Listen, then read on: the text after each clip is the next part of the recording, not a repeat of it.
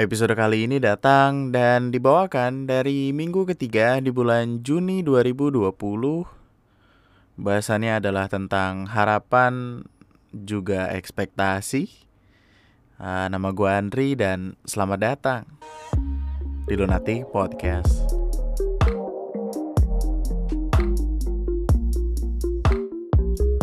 Uh, selamat datang kembali di Lunati Podcast, sebuah podcast yang bahkan schedule-nya bahkan pembuatnya sendiri bingung schedule dari podcast ini sendiri.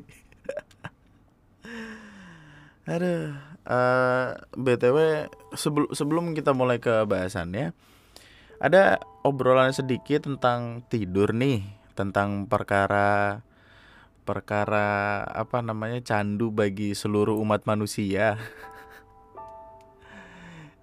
Gini, hari ini adalah hari pertama gua uh, bangun tidur pagi-pagi. Maksudnya hari pertama gua kembali bangun tidur seperti orang normal pada umumnya. Gua tadi pagi tuh ngerasa kayak men kayaknya gue balik lagi jadi karyawan nih gitu. Jam jam 6 udah bangun, terus uh, 6 lewat 15 sudah mandi. Terus jadi biasanya tuh jam setengah tujuh atau jam tujuh kurang gue udah di uh, apa belokan itu rorotan rorotan Jakarta Timur beli nasi uduk. Beli nasi uduk terus berangkat makan di pantry terus lanjut kerja ya gitu gitu dah. Uh, baru-baru ini gue ngebaca sebuah tweet gitu di Twitter uh, dan bahasannya adalah tentang tidur. Tentang seberapa bahayanya kalau kita tidur nggak di waktu yang benar gitu.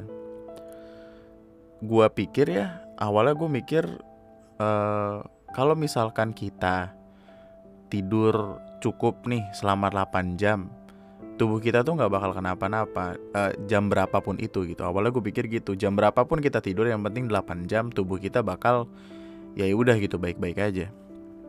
Ternyata nggak gitu loh ternyata nggak gitu. Karena uh, ada ada siklus yang namanya apa sih?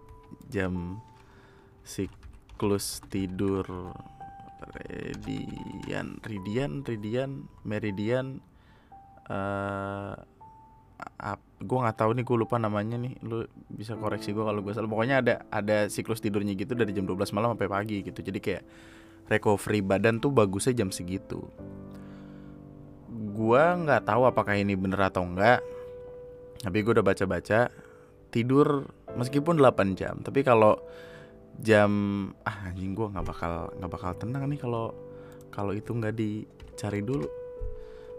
Bentar ya. Aduh mana niatnya gue pengen apa gue niatnya pengen nggak diedit lagi nih. Oh ketemu uh, namanya siklus tidur dan irama sirka sirkadian. Jadi yang sirkadian itu ya pengaturan waktu kita tidur gitu loh. Jadi kayak jam segini badan kita lagi recovery apa, badan jam segini kita lagi ngapain. Dan ternyata siklus itu nggak berlaku ketika kita tidurnya siang, pagi atau sore. Nah, gua kan udah berbulan-bulan lamanya nih tidur tuh suka semerautan banget lah kacau habis-habisan. Gue tidur tuh jam 6 jam 7 jam 9 pagi terus bangun sore. Terus ya udah gitu melek sampai besoknya lagi besoknya lagi gitu-gitu. Dan gimana ya gue sadar gue tuh cepet lemes terus uh, pikiran jadi nggak nggak jernih marah-marah mulu bawaannya cepet stres segala macem. Gue pikir gue pikir perkaranya cuma duit doang kan ternyata. Ternyata ada perkara lain juga. Nah akhirnya uh, eh, gue mutusin buat apa ya memperbaiki pola tidur gue karena resiko-resiko yang ada di situ resiko-resiko uh, jam tidur yang berantakan itu ternyata lebih parah dari apa-apa yang gue pikirin. Gue bahkan bisa tiba-tiba mati katanya.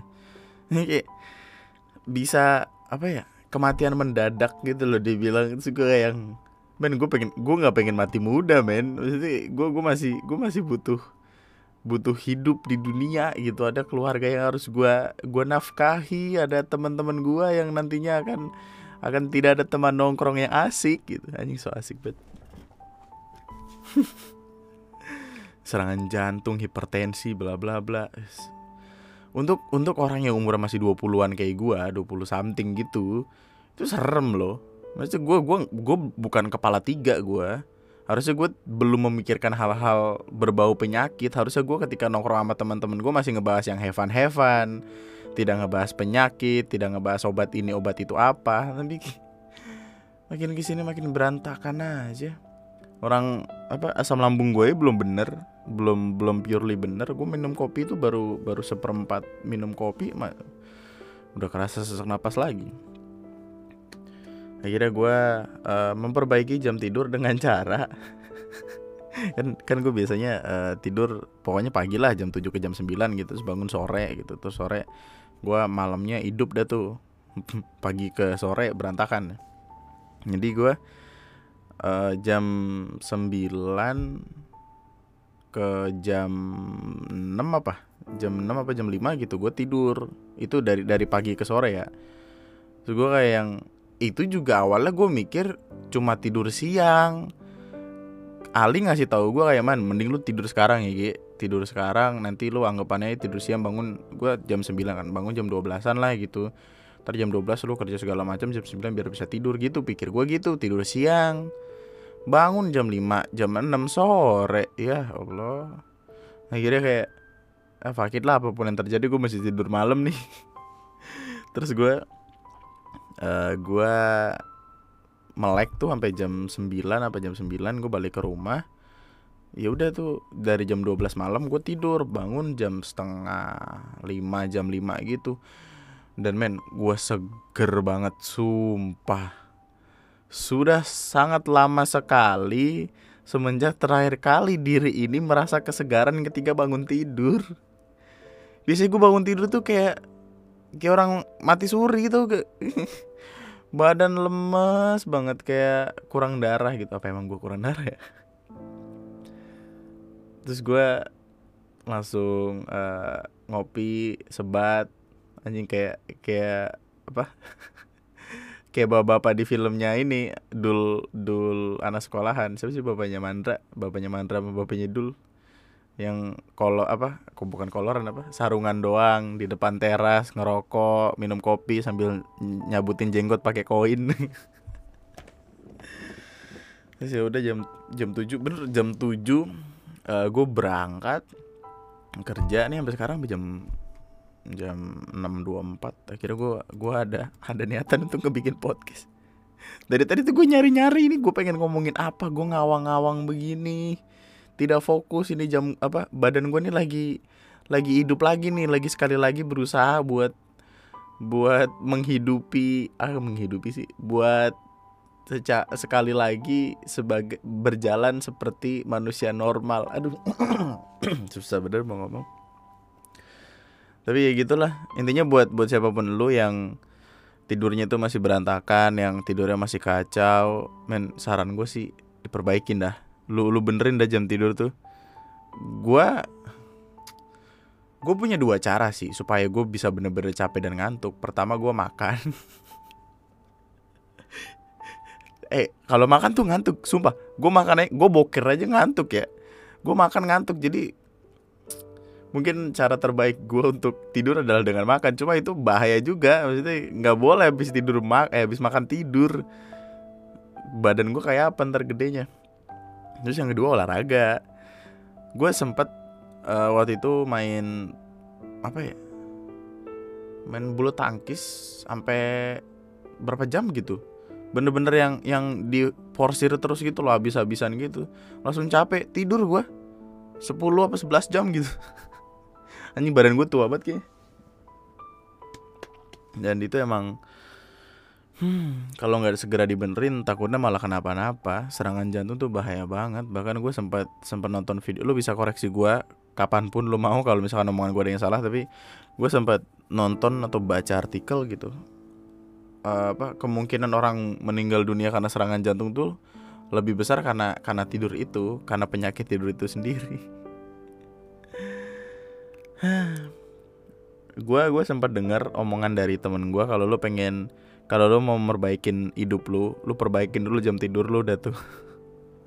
Gimana bisa lu mau ngatur segala macam di hidup lu kalau ngatur tidur aja nggak bisa? Wah gokil respect respect. Jadi ya ini hari pertama semoga lancar semoga semuanya sesuai schedule. Gue kayak mau bikin schedule banget gitu loh kayak jam 8 ke jam 12 ngapain? Terus jam 12 istirahat tidur kayak apa? Kayak jam 1 bangun gitu bener-bener kayak kayak orang kantoran banget ya. Tapi ya gitulah. Semangat untuk siapa pun dulu yang lagi berusaha untuk uh, membenahi jam tidur dan tolong untuk jangan minum obat tidur sih. Gue ada masalahnya gue bener-bener susah tidur kan. Makanya gue sempat bikin podcast yang yang tidur itu yang perkara misuin orang-orang sosokan bilang insomnia insomnia tai kucing padahal emang belum bangun eh, apa belum ngantuk aja dia. Jam 11 malam belum tidur insomnia gila lu. Gila lu. Gue aja sampai jam 3 jam 4 pagi men nggak bisa tidur. Badan capek ngantuk tapi nggak bisa tidur. Dan mau nggak mau minum obat tidur kan. Gue kayak konsul gitu ke dokter terus minum obat tidur tapi kayak ketergantungan gitu loh sampai akhirnya ya udah fakit lah gitu. Udah tidur tidur aja deh. Kalau kalau mau tuh paksain capek sekalian biar capeknya tuh ngebawa ke tidur. Dan jangan jangan jadi obat tidur sebagai apa ya kayak sebagai pelarian dari masalah tidur lu itu kayak nggak baik gitu. Ketergantungan ntar. Takut ntar overdosis. Ada nggak sih over overdosis gara-gara obat tidur? Tapi ya itulah uh, dan bahasan kali ini adalah tentang harapan juga ekspektasi. Dua hal yang sebenarnya kalau dilihat-lihat tuh kayak sama gitu kayak serupa tapi sebenarnya tuh enggak gitu. Mereka mereka berdua tuh nggak sama sih. Harapan dan ekspektasi ini tuh nggak sama dan kayaknya nggak boleh untuk disamakan deh. Takutnya ntar jadi apa ngepecah pikiran gitu. Apa sih ngepecah pikiran? Sederhananya gini deh kurang lebih gini harapan adalah keinginan. Eh, cita-cita uh, mungkin bisa dibilang ya tentang apa pun lah. Tentang masa depan yang lebih baik tentang kehidupan suami istri yang pengen sakinah mawadah warohmah terus uh, apalagi ya contohnya? Pokoknya hal-hal yang yang apa yang arahnya tuh lebih ke arah imajinasi deh pembayangan tentang tentang masa depan nanti lebih jauh di masa depan. Sedangkan ekspektasi arahnya tuh lebih ke harapan tapi versi dekat versi lebih dekat. Kayak apa ya? Kayak sesuatu yang kalau kita pengen itu kejadian kita atau orang lain di luar sana itu tuh punya andil besar gitu loh punya uh, punya andil apa? Punya andil besar di sana gitu. Gua tuh menyebut ekspektasi itu adalah harapan yang efek kejutnya tuh lebih mematikan. Kita ambil contoh deh, uh, kayak gue pengen ketemu orang nih, ekspektasi gue orang ini cakep, orang ini sesuai sama profile picture-nya. Gitu ternyata cakep banget nah itu kan udah di luar ekspektasi tuh atau gue kira orang ini brengsek. Ternyata orang ini baik kok. Ya emang brengsek dikit-dikit tapi asik kok. Brengsek yang asik gitu beda lagi. Atau juga uh, ekspektasi gue gue ngajakin orang nonton. Eh enggak. Gue ngajakin orang nonton dia mau. Ekspektasi gue udah ke mana-mana dong larinya dong. Kayak gue pengen ngajak dia nonton gue pengen jalan-jalan muter-muter ngobrol-ngobrol segala macem lah. Kayak kayak gebetan gitu. Tiba-tiba dianya nggak jadi nggak datang. Nah ekspektasi hancur kan. Jadi kasarnya itu begitu. Perbedaan mendasarnya adalah uh, harapan itu pola pikirnya tuh cenderung pasif dan lebih jauh ke depan gitu. Sedangkan ekspektasi ngebawa pola pikir yang yang jauh lebih aktif dan dekat sama kita. Jadi harapan tuh sering kali uh, apa ya kita tuh nyerahin semuanya sama takdir. Nggak kayak ekspektasi. Ekspektasi itu masih kayak masih masih ada di genggaman kita dan genggaman orang lain gitu. Kalau takdir eh kalau harapan tuh jauh banget gitu. Bahkan cenderung kita serahin sama takdir. Kayak gini deh. Nanti gue pengen punya cewek cakep. Tapi kan yang datang belum tentu cakep kan. Nanti gue pengen punya rumah gede tapi ya ya kalau nanti mampunya cuman rumah yang biasa-biasa aja gitu. Nanti gue pengen adik gue kuliah yang pinter kalau bisa di Hogwarts gitu itu kan. Itu kan cuma sekedar harapan gitu. Kuliah di Hogwarts peliharaannya burung hantu ketemu guru yang marah-marah mulu terus ketemu musuh yang tidak ada hidungnya gitu-gitu. Itu kan cuman ya, harapan gitu dan jauh ke depan. Dan harapan itu sendiri tuh lebih ke kalau tercapai ya syukur kalau enggak ya ya udah. Sedangkan ekspektasi lebih sering ngasih kita kecewa karena gimana ya ekspektasi itu didasari sama sama kita sama pemikiran-pemikiran kita sama ego kita yang pengennya berlebihan yang pengennya tuh wah gitu. Jadi waktu hal itu nyampe di depan dia eh, nyampe di depan kita dan ternyata hal itu biasa-biasa aja atau bahkan bangsat busuk gitu kita bakal cenderung kecewa. Sejalan dengan itu anjing gokil gitu. Sejalan dengan itu. Kayak kayak storyteller bagus banget ya. Sejalan dengan itu kayak gitu. Sejalan dengan itu, ekspektasi sendiri ini ngasih apa lebih sering ngasih kecewa ke kita. Karena ada beberapanya yang nggak bisa kita atur, nggak bisa kita kontrol. Contoh, uh, ada orang ngebikin janji nih sama kita buat ada acara lah sama kita kayak dia dia ngasih tahu jam segini jam segini ya nanti gue datang ke situ tuh. Tapi ketika ketika telat atau bahkan nggak jadi si orang ini nggak jadi, kita pasti kecewa kan tapi itu di luar kuasa kita gitu karena semua itu tergantung sama si orang ini orang ini tiba-tiba tiba-tiba kenapa-napa di jalan tiba-tiba anaknya kawin lari tiba-tiba neneknya kawin lagi kita nggak ada yang tahu kan. Dan itu itu udah di luar di luar genggaman kita gitu. Kita kita jadi nggak bisa ngelakuin apa-apa sama itu. Yang bisa kita lakuin adalah ya ya udahin mau mau gimana lagi gitu. Itu itu udah di luar kuasa kita itu udah di luar genggaman kita. Ya apalagi yang bisa dilakuin selain ya udah kesel ya kalau dibilang kesel yang salah ya dua orang itu dan kita gitu. Tapi di sisi lain apakah orang itu alasannya make sense atau enggak? Cuma kita bakal lebih jauh ngebahas itu sih. Kita kita bakal lebih gimana ya, lebih dalam mikirin itu. Untuk untuk perkara harapan ya kita semua bisa paham dan setuju lah gitu. Cuma kita bakal ngurusin si ekspektasi berak yang kadang bikin sakit hati terus ini sebelum sebelumnya gini gue adalah tipikal orang yang tipikal orang yang udah sama sekali nggak peduli sama ekspektasi. Kayak ekspektasi di mata gue tuh udah bullshit banget lah gitu. Gue aja kayak ah fuck it gitu kayak.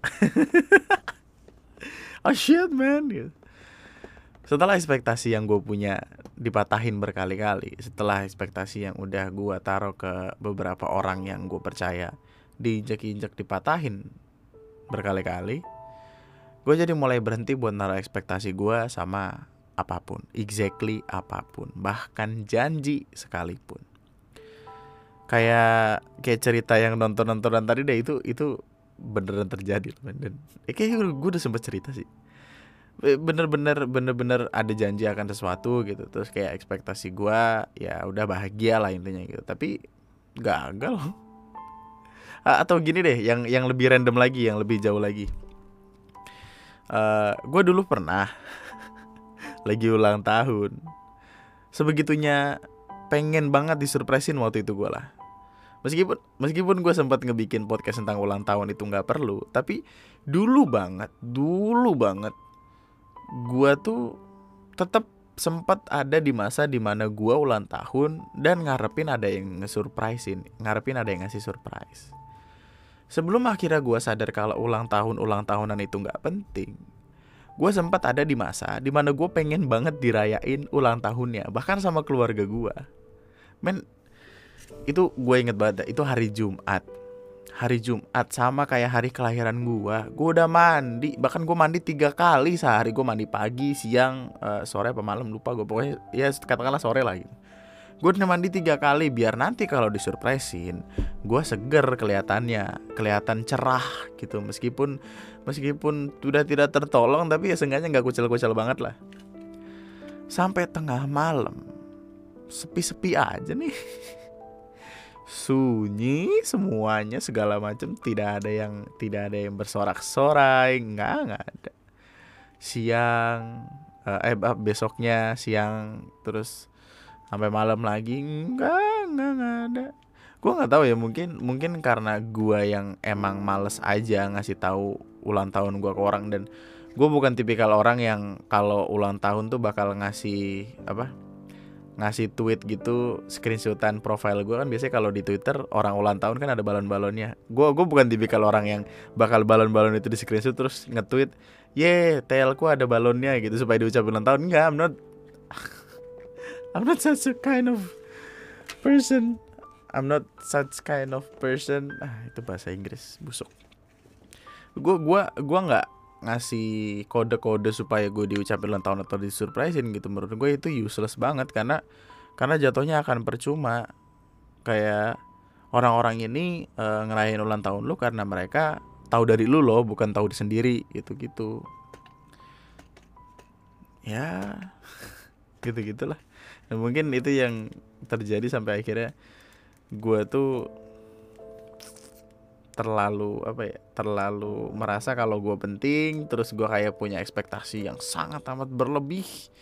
Gue mikir wah tidak ada yang ngechat nih pasti malam ada yang surprise dong gitu. Ternyata emang tidak ada yang ngechat aja. Dan itu men kecewanya ampun ampunan ya mungkin ego ego ego masa muda kali ego ego bocah sekarang mungkin gue ngeliatnya sepele gitu tapi sebagai cancer dan bergolongan darah A sedih loh itu sedih. Nggak tahu kenapa gue perasa banget waktu itu. Sekarang kayak gue udah fakir kan tapi dulu tuh orang orang malingin muka dari gue gue mikir anjing gue salah apa? gitu. Padahal emang dia pengen malingin wajah aja gitu atau gue gue lewat misi pak gitu. Tapi nggak di ya gituin tuh gue mikir kayak anjing gue bisa bikin salah apa? Gitu. Perasa banget. Intinya gitu kayak se selain gua yang ngebenci basa-basi dan segala macamnya salah satu alasan kenapa gua ngebenci ulang tahun mungkin juga adalah ekspektasi yang adalah karena ekspektasi yang sempat diinjek-injek itu. Padahal ya yang salah juga gue sendiri gitu. Kenapa gue berekspektasi sama sama apa-apa yang nggak pasti dan apa-apa yang sebenarnya nggak penting-penting banget juga. Ekspektasi itu sifatnya lebih egois lebih uh, lebih melulu tentang kita gitulah. Jadi aduh kita tuh jadi kayak cenderung blindsided gitu.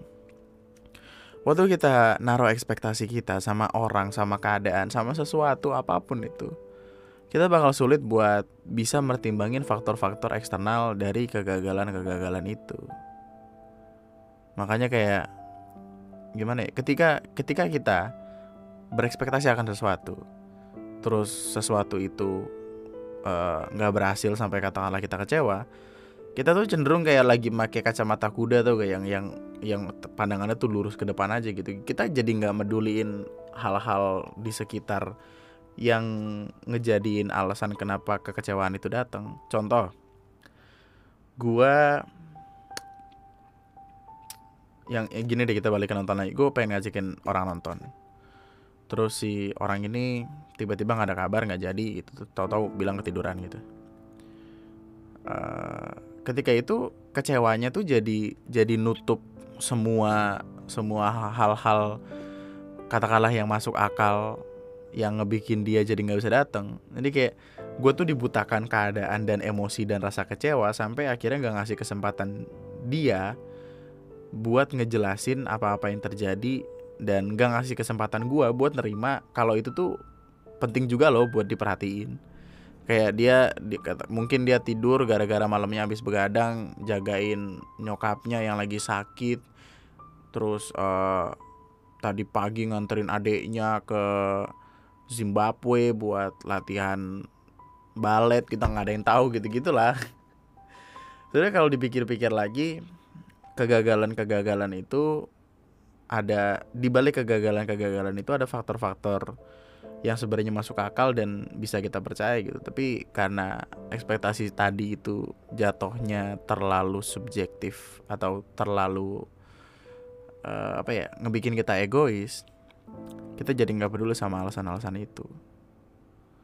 Makanya gue sempet bilang kayak kalau lu janji sama gue kemudian nggak ditepatin gue nggak bakal peduli karena ya gue nggak naruh ekspektasi apa-apa ke lu gitu. Du eh, ini ini kayaknya gue mesti narik omongan gue lagi deh dari episode keberapa gitu. Gue dulu sempet bilang kalau gue udah nggak percaya lagi sama siapa-siapa mungkin itu akan gue revisi dan gue ralat sih. Gue bukannya gue bukannya sudah tidak lagi mempercayai siapa-siapa. Gue sudah anjing sudah dong gue udah nggak lagi naruh ekspektasi gue ke siapa pun ke siapa pun. Karena rasanya akan jahat ketika gue bilang oh gue nggak percaya sama ini ini ini. Gue nggak percaya sama semua orang di dunia. Kayak jahat banget sih. Baiknya kayak gue gue udah lagi nggak naro apa ekspektasi gue ke siapa pun. Siapa pun itu. Dan gue rasa itulah jalan keluar dari kecewa. Jalan keluar dari pemikiran-pemikiran sampah yang kadang datang tuh dari diri kita sendiri. Gue udah bener-bener senggak peduli itu loh sama sama omongan orang yang ngejanjin sesuatu atau keadaan-keadaan yang maksa gue buat naruh ekspektasi tertentu berkali-kali main dibatahin kayak lu lu sempet ngerasain lah ekspektasi lu akan sesuatu seseorang keadaan atau apa pun itu tiba-tiba diinjek-injek gitu aja dipatahin sampai akhirnya ngasih kecewa ke kita dan kekecewaan itu justru ngebikin kita jadi jadi lebih buruk lagi.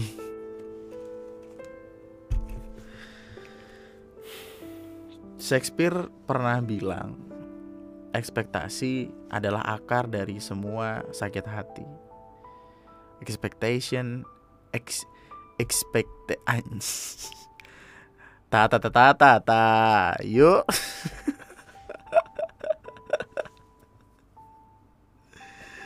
Aduh.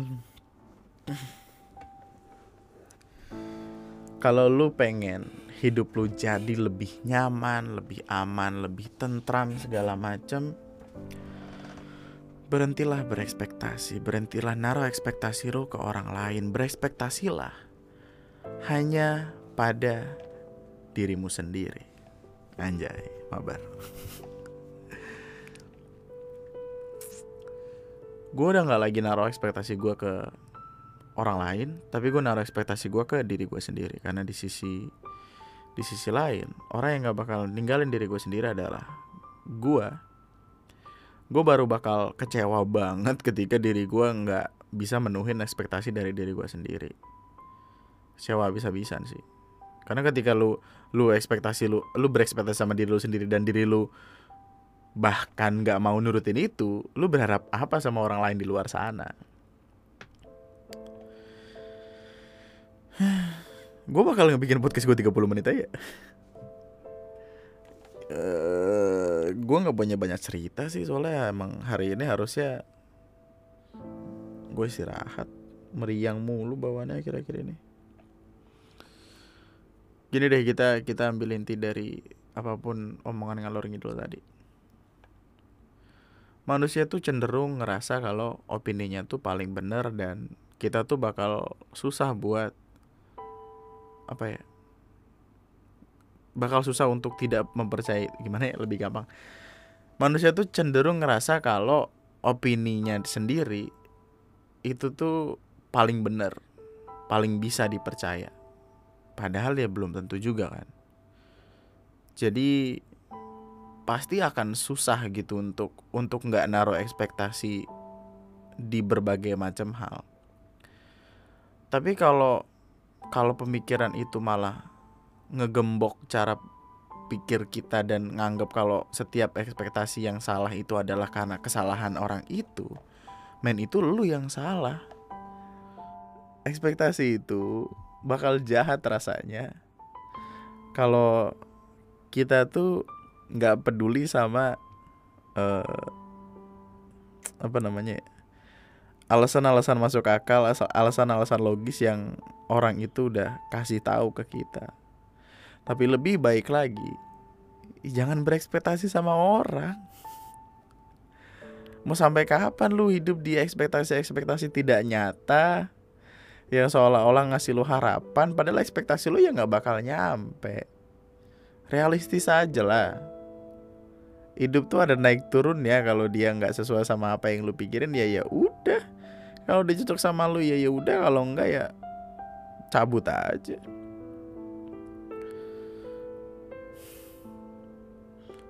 Itu tadi arahnya ke mana? Lu lu lu awang-awang sendiri dah tuh.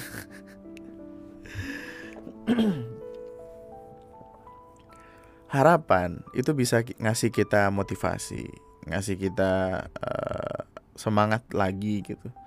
Gue pengen punya rumah nih yang gede harapan gue gue pengen hidup di sana bahagia. Itu bisa ngasih kita apa pecutan gitu loh buat bisa kerja lebih giat atau atau ngedeketin cewek yang bapaknya udah sakit-sakitan tapi kaya?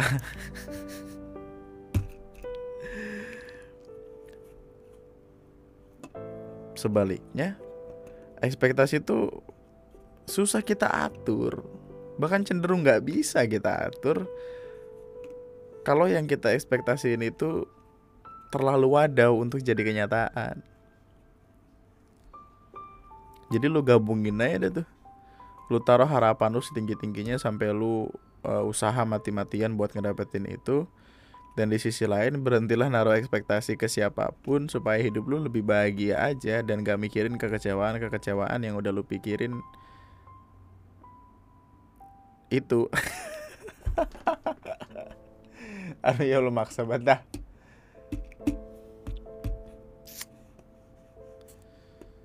Kayak gue butuh tidur lagi teman. Lu udah tidur belum sih? Eh podcast gue kayaknya udah balik lagi bisa nemerin orang tidur deh ya, banyak orang yang marah-marah gara-gara gue teriak-teriak di tengah-tengah sekarang kan kagak woi bangun tuh apa nih hmm. jangan biarin ekspektasi-ekspektasi itu ngebawa diri lu ke berbagai macam kekecewaan. Yang sebenarnya kalau dipikir-pikir lagi kekecewaan itu kayak nggak penting-penting banget juga. Gue nggak tahu lah lu bisa dapetin apa ini gue nggak perlu doang nih soalnya jam segini gue udah ngantuk lagi. Eh, gue belum terbiasa sama jam tidur baru ini anjing baru sehari mulainya.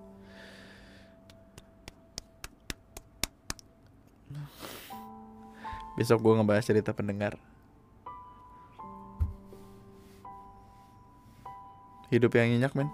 Tidur yang nyenyak. Hidup yang baik. Jangan nakal. Apaan sih ini kayak pesan orang mau mati dah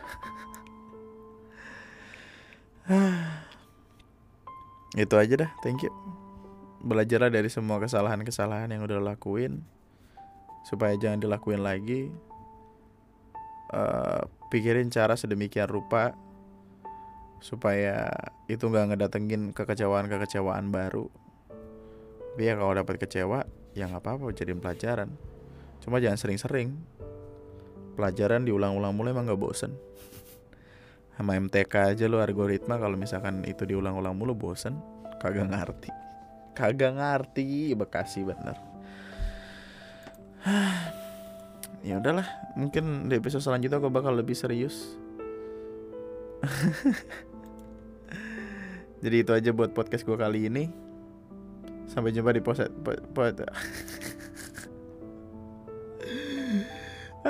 kurang tidur. Sampai jumpa di podcast gue selanjutnya. Tetaplah bahagia, tetaplah baik-baik saja. gue nggak perlu ngasih tahu buat nge-follow lah ya. Follow Spotify nih, mantep lah. Ya. Wah nggak nggak beres nih podcast. Eh, cabut gue, thank you.